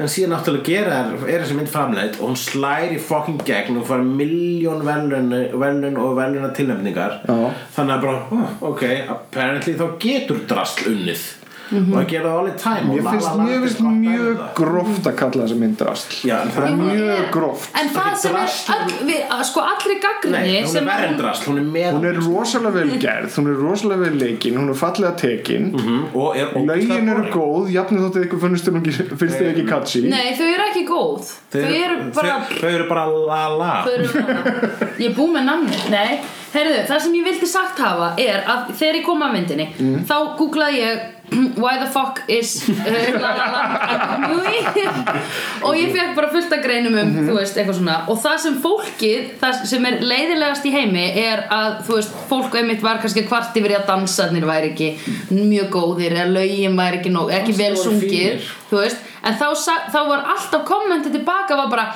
that's the point Já. Hmm. þannig að basically sko ef þú spurðir okkur er þessi mynd svona ógeðslega meðal me- svona mikil meðalmennska í þessari mynd þá var bara well that's the point sem er og, verstu rauk í heimi já, það er Mér, mér, hægilegt mér finnst það alls ekki verið the point Ég held að það hafi verið gert til bara það besta sem þeir gátu í dans og söngvandamni og það er bara það er hefur bara séð dans og söngvæmi það er í bara svona tóntegund og, hérna, og orkur sem er ekki tengd við dans og söngvamindi það er verið að nota dans og söngvamindaformið til þess að segja mumblekomment ok, ég er búin að segja orðið drasl um hana mjög oft og Mm. það er ígjur vissulega vegna þess að mér finnst hún ekki hræðileg hvernig hún að mér búið en málega er að hún var svo marg verðlunuð að þú það er bjóst við svo miklu að vombrinn eru svo sterkur það ekki já, en er það skrítið? Nei, mér finnst það bara fullkomlega eðlega ef að myndin er hæpuð upp á þannig hátt og ég Já. veit það, ef ég hefði séð hann algjörlega kalt þá held ég að ég hefði verið á sömu línu og þig en ég er búinn að fá í mitt þú er búin að fá ekkert um að skýt frá okkur nákvæmlega, aðalega, aðalega þér höfni Mm. Þetta er ekki ég er náttúrulega ekki, ekki að tala við söndur um myndina ég hef bara heyrt, hvað í fokkanum var þetta sem í bílnum eftir sýninguna en jæna eh, en eftir um mótið mitt að ég, ég, ég nálgaðist hana bara á öðrum fórsendum og fyrir mér þá var ég svona rosalega mikið að velta fyrir mig hvers vegna dans og söngadæmi var í vegna þess að það virtist ekki vera hluti af söguna á neitt nátt mm. en á endanum þá bara hugsaði með mér stundum eru dans og söngamyndir um algjöra þælu mm. okkur með það er ekki fjallum svona sögu Jú, það- ef þú myndir setja þessa sögu skilur þú veist Sko, er ekki það að Í bara venjulega venjulegt búning. fólk sem er í leðilegum störfum og eitthvað svolítið, það er tætt að gera mil- það er ógíslega mikið af góða myndir sem fjalla um hverstasleikan og bara það, það er myndir sem brjóta hjartaði manni, Mm. sem fjalla um hverstasleikan Mhm. þetta er bara einfallega ekki eina þegar myndir vegna þess að þú tengdir ekkert við þetta og, þú, og þegar þau sitja hérna við mataborðið Oh my God. og eru að rífast Það um er eitthvað svo svona, vont. "Af hverju lætur ekki drauminn rætast þú er ekki þinn draum rætast þú sagðir, ég heyrði, þetta er það sem þú vildir fyrir mig Já, og ég er bara svona, ég hef heyrt, þú veist, dýpri rifrildi frá Ross og Rachel. já, Já, en, Ég er bara svona satana, erum við í alveg að horfa á þetta? En- og þá, og þá, þá, þá er þeim punkti, Já. þeim tíðan punkti, sko, Sandra gafst upp á myndinu fyrir en ég. Já. En það var þeim punkti sem ég var bara svona, ég held þetta sér leiðileg mynd. og svo bara held hún áfram að sanna hvað hún var leiðileg með því að vera að halda áfram að vera leiðileg. Þannig þess að það er erfitt að koma frekari einhvern veginn rökstuðningi að þessu, en hún er bara svo boring. Mm. En þér fannst það ekki And there is no accounting for taste Já, í- Getum við talað um það meira? einhvern veginn, einhvern veginn þá held ég að hérna, ef ég hefði séð þessa mynd sem bara venjulega mynd ekki mynd alls og sönguatriðum þá hefði mér fundist hún leiðinleg og fyrirsjáleg sögulínan var bara frekar normal mér finnst þetta lástemt, smekklega gert uh, finnst mér nú drasl alls ekki, finnst mér nú besta mynd í heimi og eða skilja átjón Óskarsvölun ég held að það sé Alls ekki. nostalgía nei Hún er en alls akkur er hún tilnæmt til svona ógeðslega mikils Ég er með þá kenningu og, og ég kom með hann áður að þetta er einhver svona, svona næsti, þú veist, artterapisti myndi lesa þetta sem einhver viðbrögð frá Hollywood við það að búa í þeim slæma, í þeim klímati sem við búum í dag mm. og það er einmitt bara það sem gerist þegar ég- Bandaríkin gera innrás í eh, Afganistan og var svolítið upphafið af þessu voran terrordæmi sem allir er ennþá fastur í Uh, það var bara upphafið af einhver slæmu, einhver illu og einhver hræðilegu tímabili Já. og þá vinnur hinn hundleðilega mynd Chicago Óskarana Ég held að það sé og það er eitthvað það er eitthvað að gerast hérna ok, þetta, Já, er, þetta, ok. okay. þetta er insane kenning, ég veit það Já. en mér erst eitthvað skrítið við það að núna þegar Trump er búin að vinna og við búum er allt í hennu, er, er það svo sense of dread yfir öllum heimnum Mhm. mm. að þá allt í hennu vinnur la la land Ok, gott- gott og vel En ég held að meiri hluti kjósenda séu sé LA tengd að ykkur leiti Jú, jú. og þetta er eitt stórt ástabrið til LA vegna þess að það eru öll landmerki og bla bla er bla gamalt hvítt fólk Og í þetta er- Hollywood þetta er- og þessi mynd er fyrir Þetta er- gamalt hvítt fólk í Hollywood Þetta er í fyrsta lagi þá er þetta uh, Love Letter til gullára Hollywood When Öðru no lagi, blacks. Þá er þetta þá er verið að- þá er verið að mála uh, Hollywood í rosalega fallegum litum Which it þetta, er, isn't. þetta, er, þetta er í grunnatriðum bara rung Þetta er algjört rugl. Þess vegna elskar Hollywood þessu mynd En ég skil ekki okkur að þau tóku ekki þú veist, að því, mér fannst svo geðveikt fyndið hann að atriði þegar að þau voru í partíinu Mm. og það er einhver Ben eða eitthvað sem segir svona Hi, I'm Ben, well I just kind of signed this lease with Nei, Já, byrjar að tala um eitthvað shit sem hann er Það að gera er svo sem byrjar strax að manta sig Já. Það Já. er ógísla fyndið Það var geðveikt. Þeir eru Þetta er sjánlegasti aldrei- og leiðilegasti brandarinn fannst mér Ég sé, Í ég alvöru? sé þennan brandara endalaust Ég veit en ef, hann- ef þeir hefur púlað þann sinisisma Mhm. í gegnum myndina þá hefði þessi sá sinisismi og svo stórkuslegu kontrast við dansin og söngin mm Mhm. -hmm. nema þeir bara sleftu því kefli bara strax mm Mhm. -hmm. ákveðu frekar að láta þetta vera um venjulegasta ástasamband í heimi Mhm. sem er svo ástasamband sem gekk ekki upp eins og svo margt þú veist fattari í veruleikunum og það er pointið Njá, ég, ég veit ekki Mér mér finnst mér finnst fallegt að sjá venjulegt ástasamband sem gengur ekki upp í dans og söngam stíl Já. Ég fílaði þetta Já, það er rúglega fallegt þegar það er vel gert Já, einmitt, það, við, ég, er ekki að, ég er ekki að andmæla þú veist að því, þeirri Mm. hugmynd bara þessi mynd gerir það ógísla illa Þetta var- og ógísla grunn Já, þetta var bara svona mað, mað, þú veist Uh, maður hefur upplifað ástina maður þarf ekki svona að hafa það mikla reynslu ástina til að sjá að þetta er klísja -hmm. þetta er bara svona, já ok, þetta er bara basic -hmm. og það er kannski það sem að tala til fólks Já. þetta er bara svona eh, svona er ástin en það gerir ekki neitt fyrir mann þú veist það er hægt að fá mm -hmm. þú ert að fá einmitt eitthvað kjaftsök mm -hmm. eitthvað sprengingu eitthvað sem gerist Já. Má, má ég þá spyrja, hvernig voru þið tvö síðast ástfangin? ég er afstökin all the time motherfucker mm -hmm. Flokkast það undir ást, er það ekki hrifning? erum við að fara út í þetta samtal og ég er að útskýra fyrir þér hvað ást Hvað er ást? Ég bara, þessi mynd getur ekki eh, representað það Það er nefnilega var- sko vegna þess að þannig ég og maður tengi þú við að Í við vorum, alvörunni sko. vorum Já, nákvæmlega Við vorum að líka plana það að cover Óskarinn var einhver spáðið í að við myndum vera með beina útsendingu Ég hlakka mikið til þess, já En það verður svo boring Óskar ef að sama, það er búið- eins og er búið að spáðið þá mun sama vin, myndin vinna allt og það er leiðilegasta myndin á listanum Nei, nei, nei, nei, það sem á aftur að gerast er það að þú verður alltaf æstari og æstari með hverju og þetta á aftur að ná svona einhvern svona hásuðu punkti sem að við bara, við getum ekki séð fyrir núna. Ok, það er eitt sér Það er geðveikt Og þá er Bíddu, komið að En ég má ég spyrja, af hverju er X-Men aldrei tilnæmt til hérna Óskars? X-Men Það hefur ekki verið gerð var í eksperiment umræðunni. verið þess að... Það var umræðin af hverju ofriðum myndir eru alltaf sjönaðar Já, af hverju Já. að Deadpool ekki tilnum til Já, Óskars? ég Já, meina það Deadpool er besta X-Men myndin Mm-hmm. og hún var ekki tilnefnd en hún er líka mynd sem að segja fokki við alla Það var sénsveindar á því að Ryan Reynolds, þú, fólk var Já, já, alvörunni... Ryan Reynolds sko hefði Vongott um tilnefndur það. söm ástæð og Depp var tilnefndur fyrir Jack Sparrow á sínum tíma mm -hmm. sko. Já, ég meina, en við vitum alltaf með svona dæmi að þeir fá fyrir mynd nummið tvö eða síðustu myndin í bálkinum. Já. Það er Óskarsreglan.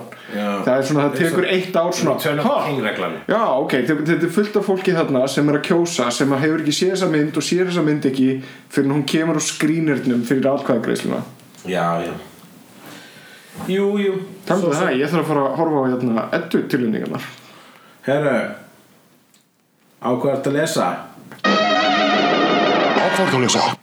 Ég var að lesa heldig góða bók Ok, Wonder Woman eftir Grant Morrison Wonder Woman Earth One þá skrifar Grant Morrison vinnur okkar uh, sem sagt sína e-, endur frásögn um upphaf uh, undra konunar ok, og eh, er eh, mjög flott bók teiknuð af einhverjum stillingi sem ég man eitthvað heitir en er með mjög svipan teiknistil og Adam Hughes þannig að þetta er allt saman voða, voða svona, þetta er allt saman voða beibulegt sko mm.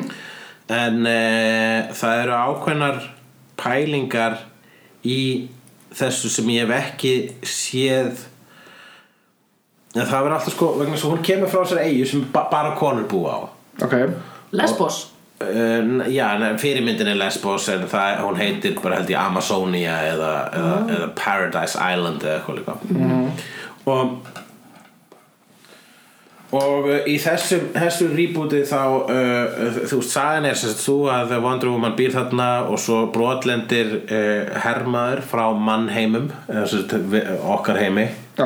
karlmannheimun er hann með eitthvað gott nýtt tvist á þetta alls saman Já, hann- já, svo sko, tvisti við uh, uh, Steve Trevor sem er himbóið hennar sem er hennar Lois Lane Mhm, við fáum að sjá þetta allt saman núna uh, í sumar á vandúmun Ok Eh, það- í þe- þessari útgáðu þá er hann svartur það er helst að tvisti hvað hann varðar og líka samt líka hvað hann er sko feminist tenkjandi Ú, hann er rosalega kúlgauður og hérna, hefur svona og hann, hann skilur sko vegna þess að sem er Selur ekki túrtappin og klostinu hann sinni selur ekki túldarbarni sínu klosti Já, ég meina Amazonia er náttúrulega samanstendur um mjög herskáum uh, Já, konum sem sem vilja hata- bara drepa og kallan kallmenn eru djöfullin á þessari eigu sko og hérna, þannig að þess vegna er hún gerð útlag fyrir að koma með kallmenn á þessa eigu Mhm. -hmm. það er hennar saga, það er svona hennar uppruna saga og þannig kynnist hún uh, uh, þannig verður hún hetja í okkar heimum mm Mhm. það er ókslega kúl nálgun sko á karlhatur þeirra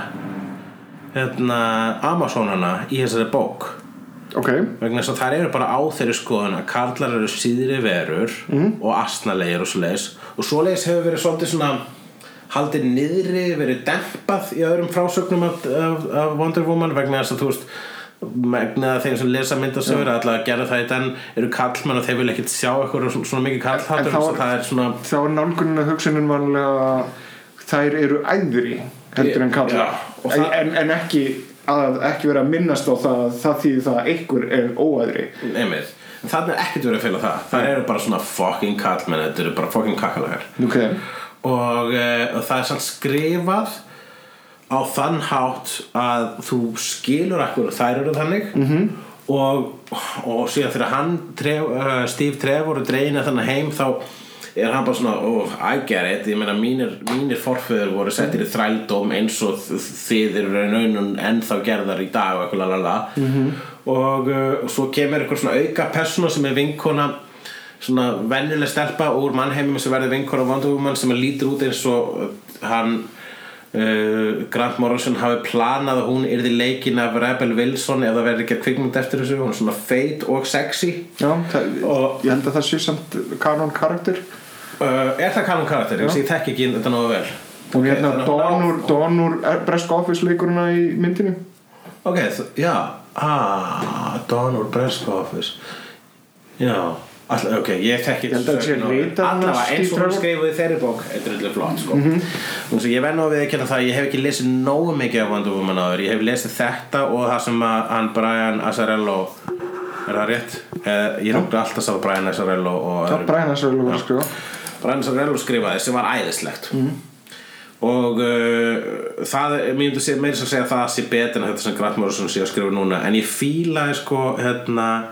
hvað er ekkert verið að fegra það er verið að gera það er verið að gera hérna, Amazonar mega hafa rámt fyrir sér já, eða ra- og rangt og ekki rangt þú veist, ég meina það er ástæða fyrir þær að það fíla ekki kall heima og það raukstiða með öllu eins og til dæmis stríð, þrældómur, nöðganur og svo Þar, framvegis þar hafa svolítið gott case samt. Já, það hafa svolítið gott case Þú veist, vegna þess að Kallmenn eru ömulegir Og ég bara mæli með þessari bók, hún er cool Mhm.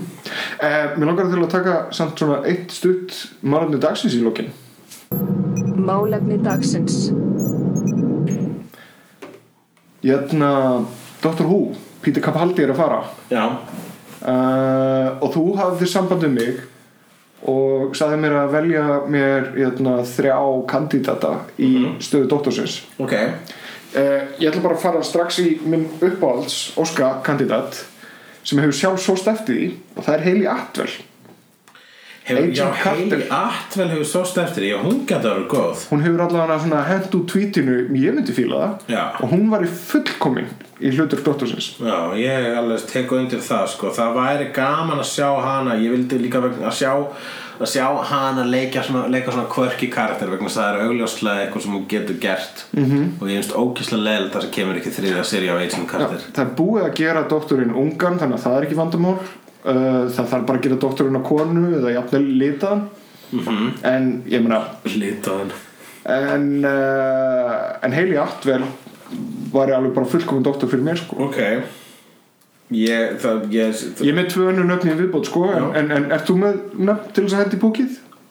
Já, mér langar bara að segja sko, ég á um, mér langar að segja minn draumadoktor ok, og ég veit að mér ekki gerast vegna þess að hann er vist með Parkinsons í dag og er að fara svona að slaka á mm. en það er Billy Connolly og hann var í frábær dóttur Já. mjög vel spotta hann var í geðaukur What don't know en hann, hann, hann reyndar ég sé hann einhvern veginn að ranta um um doktorinn í, þa- í spjallætt þegar maður skrifa um náttúrulega bara svona Ú, þetta crap show I mean they got this they got this the villain is called the Daleks and they can't even get down the stairs ég er ekki mjög góður að herma eftir honum en þú veist, ég gerum hans besta Uh, Ég hef ekki séð Dr. Who ekki neitt Nei, en ég horfði á Dr. Strange um daginn Já, Fyrst við erum að tala um doktora ok ég alveg ræmaði það maður Það er geðveikt út, sko Mhm.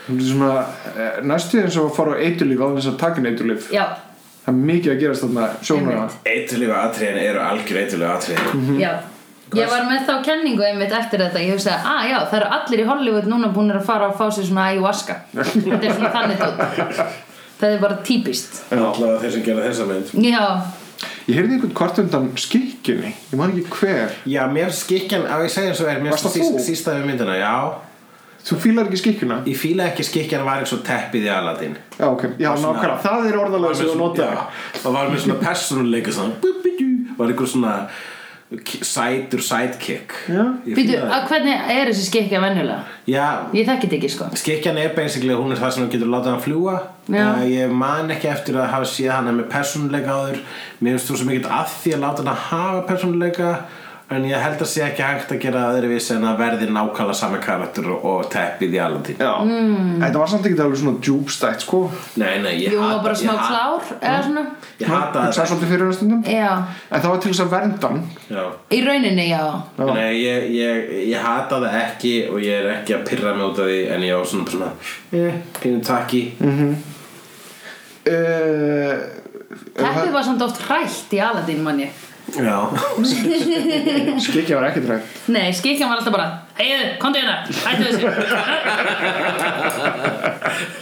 Meira svona eins og mamma Já, mamma skikja Já, mamma klók Hvað finnst þér um að Pítur Kapaldi sé að fara? Svo ég, svo ég sé aftur yfir í orðbótt Meina, Peter Já. Capaldi, ég hef sagt þér aðra sko, ég er allt, ég er svo mikið on board á öllu sem gerist í Doctor Who mm. að lélöðu þættinni finnst mér meira svo góðir uh, og hérna og mér finnst Peter Capaldi vera besti dótturinn en það er líka það sem ég sagði því um Matt Smith og það sem ég sagði David Tennant Þú veist alltaf bestu dótturinn er dótturinn það er í bara dag nýju besti Já. ég er bara, já, flott, gott, höldum þessu áfram Ég verði enda að Mér játa það Mér fannst uh, fyrir utan hann að þáttinn þar sem að hann er í hérna, eiliðafangilsinu ó, þá er góð þetta maður uh, þá finnst mér handritin fyrir Pítur Kapaldi ekki hafa verið þau bestu Nei, ég myndi segja að Svolítið vannýttur að, sko, doktor.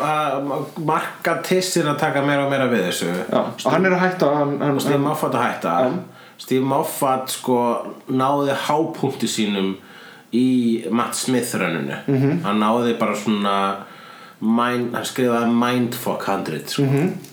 og það er ekki búið að vera sama Mindfuck í Capaldi en ég kvarta ekki vegna þess að bara heili minn þurfti kvíld eftir ég held nefnilega að það sé svona ákveð bara Smith. burnout Já. og að gerast vegna þess að hann er líka búin að þurfa að vera sniðuð með Sherlock Já, Ah. það held ég að það sé ekki ódýrt Já, akkurat Er þetta sami kall sem er að gera sama og Ah. það? Já, Moffat sem að skrifa, hefur skrifað þetta mikið upp á síðkasti, hann skrifaði einmitt Sherlock sko. og mér finnst það hafa smitast líka yfir í Sherlock að Sherlock horfðu á síðustu seríu Já, Nei, já, eftir að, seinum var ég að spara hana ah, ok, ok, ok Oh. en Mark- manstu margt sem þarf að segja sko.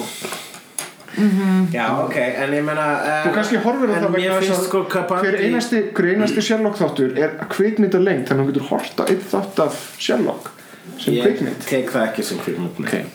En hérna Uh, mér finnst sko Capaldi fylla upp í samt að hann algjörlega fyllir upp í hlutverk doktorsins með því að fara og lenda í skemmtulegum æfinturum og það er langt í frá hægt að segja þessu illa skrifuð Ah, já, og en hérna bara ekki, ekki náðu þessum toppum sem við vildi óska fyrir utan hann en eiliðar í ofanálag þá er personuleikin hans svo mikið breath og fresh er að mm hafa pyrraðan doktor loksins Mhm. Já. eftir sem að hefur eiginlega ekkert komið síðan pyrraðastu doktor sem að á undan honum kom var basically Eccleston, Mhm. ég held að var alveg bara leikar sem var pyrraðar út af einhverjum samningi já.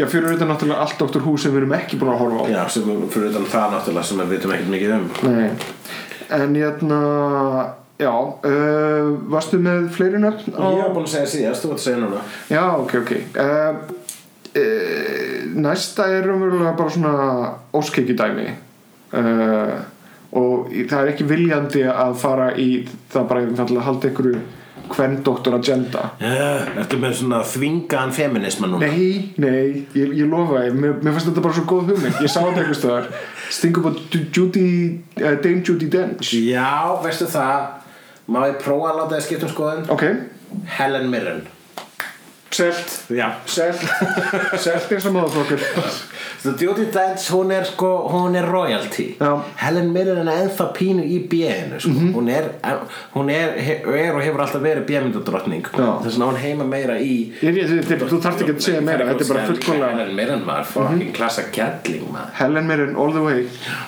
Ok, þannig að á ég að segja núna eða var ég að segja mitt? Ég veit það, varstu búin, var þetta þitt? Nei, ég er með lista sko, af stó, stóran lista vegna þess að þú segir eitthvað þá, ég, þú ert örgulega með þú veist, ég e, já, ég Ég skal, með- bara, ég ég skal með- bara segja þann sem að er á listan, kannski, líkla lista okkur begja, Ok. sem er Richard Ayoade Já, hann er uh, En hann er samt, uh, þá er ég með vara Fyrst og allir nefna hann en hann er náttúrulega lítur út eins og hann eigi að vera Dr. Who Já. og, og það vantar líka meina, þetta hefur alltaf verið hvítur kallmaður þannig að í- ef að ekk- ef að við viljum fá eitthvað nýtt Mhm. þá erum við að tala um að þetta verði annarkort ekki hvítur maður eða ekki maður Ég var í það er að segja þrusu. karlmaður Ég var í þrjusustuði fyrir Richard Dioti já, þr- Richard Ayotte var ég frábær Sérstaklega það sem ég var okkur að horfa áttur á Gartman Engi Dark Place Það er svo ógeðslega skemmtilega séri uh, En já, uh, varaskifan Fyrst þá tókst það mér Richard Dioti Mhm. mm -hmm. Tegur hann sem tekið það Mér hefði bara mjög, fa- ég fagna þessu uh,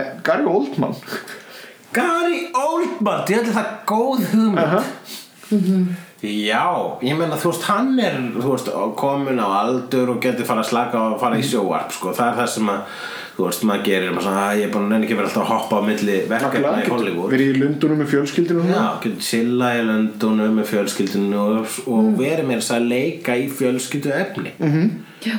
Ég held að myndi negla þetta Hann er algjör dúla Hann var í sama leiklisinskóla og ég Já, Sæl Á sama tíma Já Ég er 50 það er Ég er að reyna að googla þessa doktora Hér stendur David Tennant Er það ekki vondigallin í Jessica Jones? Já Og hann er líka um, um, ambiguous kallinn í Broadchurch Ég er ekki múin að sjá það Það er það sem hann samti tónlistina við mm Síðan líka hann Hamlet og eitthvað fleira það sem að hann samdi tónlistur við hvað, David Tennant Nei, Nei, jó, hann jó. Óli Arnalds Óli Arnalds Var hann Já, ekki í gerði- því já, Broad rétt. Church? Hann Já. gerði tónlistum fyrir það Og vann Baftaverðin fyrir það Já, Mm. til hammingi með það um, Ok, þannig við erum að leita bara gömlum hvítum kalli eða á ég að segja einhvern sem að mér finnst Matt Smith er ekki gamall hvítu kall Hann er frekar stundum ungur ungur, sko. Nei, Og David Tennant var svona í, í yngri kantinum að doktor að vera Já, já. Allan fram að þessu Ég meina, þeir voru allir e, undir færtugt þarna myndi ég segja, e, hvað, svona e,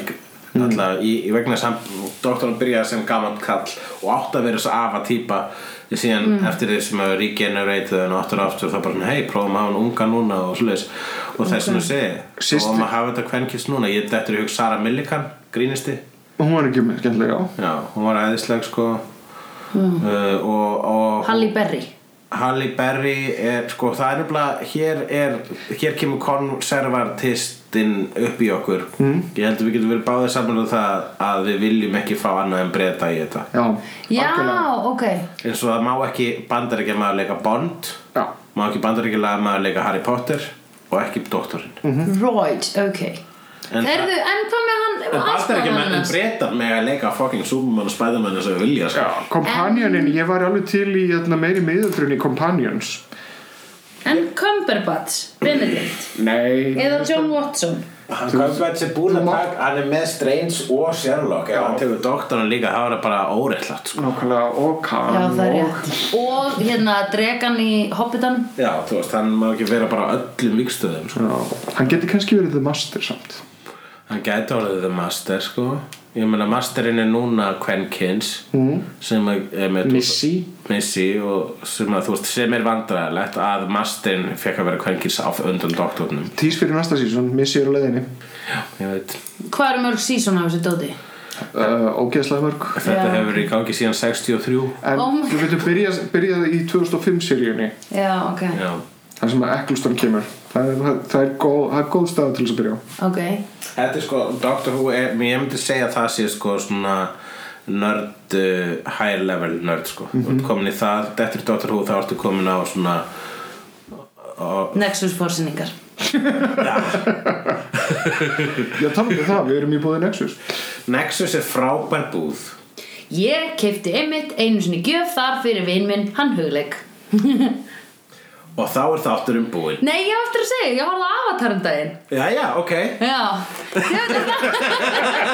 Ah. varst það orðan í fyrsta skipti? A- Nei, ég held sko, ég fór á hann í bíó þegar hún kom út á sínum tíma og downloadaði henni ólöglega og horfði á hana kannski tvisvar og svo horfði ég á hana núna daginn aftur Það er út búin að sjá hana fjóru sinnum Ég er búin að sjá, þetta var fjórðaskipti líklega sem ég var Ég er búin að að sjá sjá hana og, einu og sinni hvernig líði það núna með það að fá þrjár avatarmyndir í viðbót? Já, ég fattaði það ekki fyrir en ég sagði hulla að ég hefði hort á Avatar ég var bara, ha, af því að ég horfði á hann og var bara Avatar? Ég horfði á Avatar, va, rosalega er það léleg mynd og ég var að reyna að muna af hverju hún hefði verið svona mögnu þegar hún kom út, sko Og hvað var hún svona? Af hverju var, var það bara út af þessu 3D-dóti Veistu veistu það, ég, ég, ég er greinilega í þessu liði þessa dagana annarkort er ég bara hamingi samrið eitthvað ég veit það ekki. en ég horfði aftur á Avatar og ég bara sogaði svolítið inn í stemninguna Ég vissum að ég geti gert það líka sko. En maður þarf bara að vera pínu sinnikal vegna þess að þessi mynd er bara gal opið skotmark fyrir allan sinni sér sko.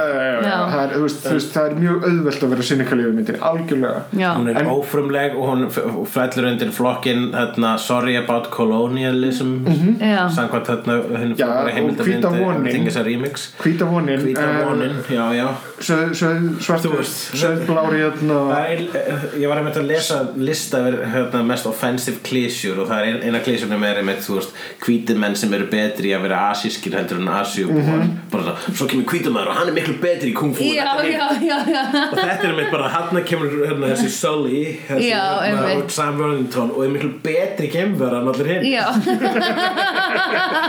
Já, ég get, ég get það fyrir bara að talið lána hann líka má bara, ég, belga deginum þú veist Það Ah, hefur aldrei Reynda- neitt hefur já. aldrei neitt náða að ríða þessum hérna risastóra drega ég skal prófa það ég ætla að hugsa sko að því að hann var með faktorinn áður en hann kom inn í þetta, hann gæti ekki labbað þannig að hann kannski Mm. verður sá- ennþá betri í að labba en hinnir Já, nei, þannig að hann sá, hann, hann nöyt, þú veist, það var ekstra effort þar sem að hann hafði ekki, þar sem, sko, hann setti ekstra effort í það sem hann hefði aldrei getað, þú veist, ég held að það hann hefði fengið, hann, hafa hann fengið þennan styrk til þess að ná stóra drega. já, Eð, eitthvað þannig skilu, ég veit það ekki, en að að því undanskildu er þetta hræðileg mynd, eða sko, allt plottið í henni til þess að ná í unobtainium sem er versta nafn já, sem er svo, sem er svo Eða best. sem er latasta nafn eða sniðurast þetta er efni sem er erfitt að ná í og ennotainium hvað ætlum við að gera með það? Við munum aldrei útskýra það í Nei. þessari. þetta er í alvöru tala, þetta er nafn sem að ég myndi nota í handriti sem svona placeholder Já.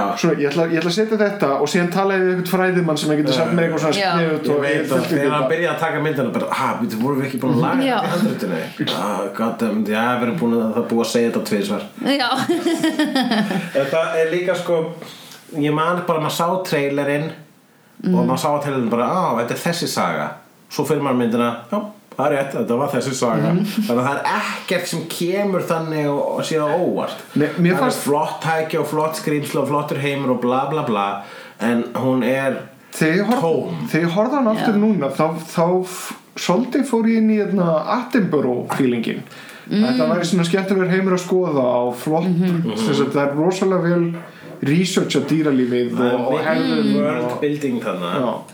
En síðan er einmitt sko Þetta sem ég hef séð á nördarsýðum Það er það að uh, Það er óvenju lít Meðan við hvað sem mynd sló í gegn Það er óvenju lítið cosplay Á hérna Comic-Con mm það, vill, það nennir enginn að vera fucking avatar Það, þú veist, það, er- það er svona Það er, and- það er svo main- mainstream, það er Andrew Sund þú veist. en pælti því Að, hérna, uh, og, og nördarnir eru ekki að býða eftir framhaldi það er ekki neinu nördar sinni bara yes, það er að koma að hafa þetta framhald það er bara, "Já, það er náttúrulega að koma að þetta framhald þannig að þessi mynd, hún registeraði ekki hjá nördunum ég er samt svona, ég er virkilega búin að vera að pæla í þessu og ég held að Avatar sé svolítið svona eins og kristna á Íslandi að hún sé það út um allt Já. en það er bara enginn að tala um hann almennilega já, það má, þú veist, þetta er svona sem bara allt í hennu kemur að í ljós sko, einhvern við erum veginn- bara að blóta á laun við atkvæðagreyslu að, hérna, að fólk vill bara halda áfram að hafa þjóðkirkju já, uh, þetta, er, þetta er, þú veist, vegna þess að þú veist, þetta er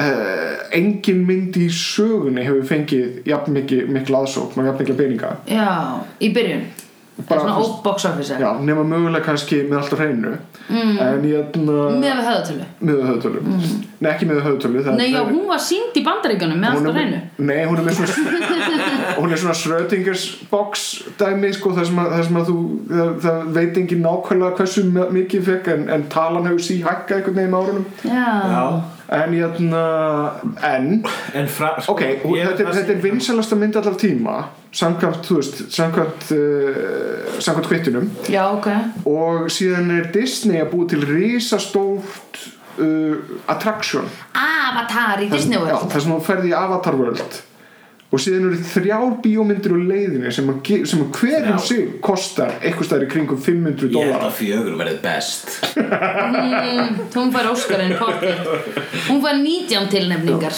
en, en James Cameron er einhvern veginn búin að ná að sannfæra fólk um það að láta sér fá örglega einhvers staðar í kringum 3-4 miljardar og síðan er hann bara eins og svo Hannes Holmsteinn að móka inn þessum pening og alltaf að tala um þetta komið út já og hann er bara að borða fínt sushi og drekka champagne ég held að einmitt eða að- kafa einhvers staðar á hafsbotni já, Avatar ok eru myndirnar, framhaldsmyndirnar eru framhaldsmyndirnar sem allir munu að fara á en enginn baðum mm. það er það sem ég að sé, það er bara allir já, alveg þetta er til en allir geta að lifa án þess Já. já, en við getum ekki lifað án af án hlumins Guardians of the Galaxy 2 Nei, þú veist, hvað þá, þú veist hvað þá nýju myndinni það sem að þ- spoiler er m- það er þetta að segja frá trailer dæmi nei, þannig að lokaðadreinu sem kom í Doctor Strange já, hvað þá St- Dr. Strange 2 Þú veist, Þetta er allt myndir sem maður vill sjá tvö af bara, ég vil sjá hvað kemur fyrir þessar personur Mér er svo hundrullum sama hvað kemur fyrir Jigsuli Dixie já, mér er saman hann Það er öllum sama en ég, ég fer í röð ég fer á Nexus fórsendinguna Mm. Já. að bóka Ég fyrir má ég pottið koma með? það er ekki spurning yes en má ég spyrja hvað fleiri myndir eru svona það sem hvítu kallmann kemur og er betri en allir Það Last Samurai með Tom Cruise Eh, já Við við slum, það- við slum eh, fréttum þetta, er, Af því þetta er fyndið koncept, ég hafði ekki pælt í því sko uh, þetta heitir White Savior White Savior uh, við slum bara, við slum bara finna það Er þetta örugglega svona listi á mansplaining Wikipedia. eiginlega? Þetta er pínu mansplaining menna, Já. þú veist, Tarsan hefur alltaf pínu verið Whitesplaining. þetta það kemur g- maður og betri ég var górilla heldur en górilla Tassan er mitt sko saga sem fólk ætti að hætta að halda áfram að segja Já. Við skulum bara lá- láta hana safna reykja og gleymast vegna þess að hún er vandræðaleg Já. og það kom Tassan mynd um daginn og, ma og maður sá trailerinu bara svona uh, er ekki við sem að þessi mynd ætti að vera til um sko vegna svona ekki bara um gaur mannesku sem er betri verið górilla heldur en górillur heldur en er hann í Afríku á sko nýlendu tímanum og þetta er allt saman svek, svekar dúbíðis heimir sem þetta gerist í Já, ok. Hvenær kom þessi mynd út? bara á síðast ári What? Ég man ekki eftir því enn Nei, sinni. það man enginn eftir henni Nei. uh, hérna koma uh, myndir eins og 12 Years a Slave uh, Hva- hva- Amistad Avatar, Blood Diamond við erum mjög fyndið að hérna, uh, dansa við úlfa mm, Já, dansa en var- Dangerous Minds er White Savior mynd það sem að hvít kona fyrir hérna, útkverfin og, og, og bjargar þeim með menningum og bjargar heilum þeirra með ljóðin ljóðin sem er District 9 uh, Býtti, hef ég ekki séð hana?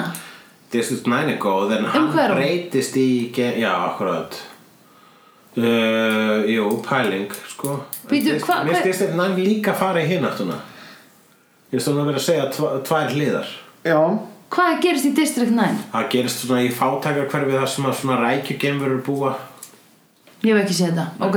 mér finnst samt sko mér finnst þetta samt svolítið svona frjálslega tólkun hérna vegna þess að Lincoln er til dæmis White Savior mynd já, akkurat, þú ert hérna í frekar opnum engi já, já, já Lawrence of Arabia sem raunverulega svona að mestu leiti gerðist sem gerð Ólfur Sarip er frábær mynd, jú uh uh, já, já One Flew Over the Cuckoo's Nest hvað áttu við að geðsjúkur maður kemur og er betri að vera geðsjúkur en hann var geðsjúkur. ekki geðsugur En það er tólkunaratriði minn kæri herra mm. Og það er point Og það er pointið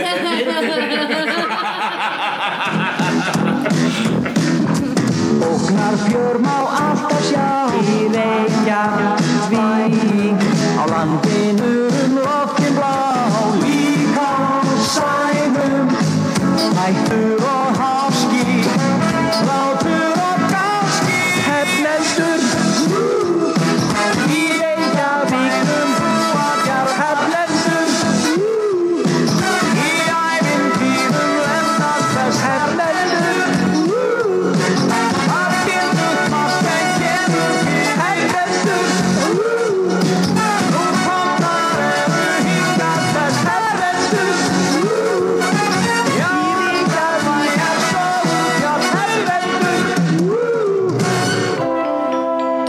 Þú finnur fleiri skemmtilega alvarpstætti á nútímin.is.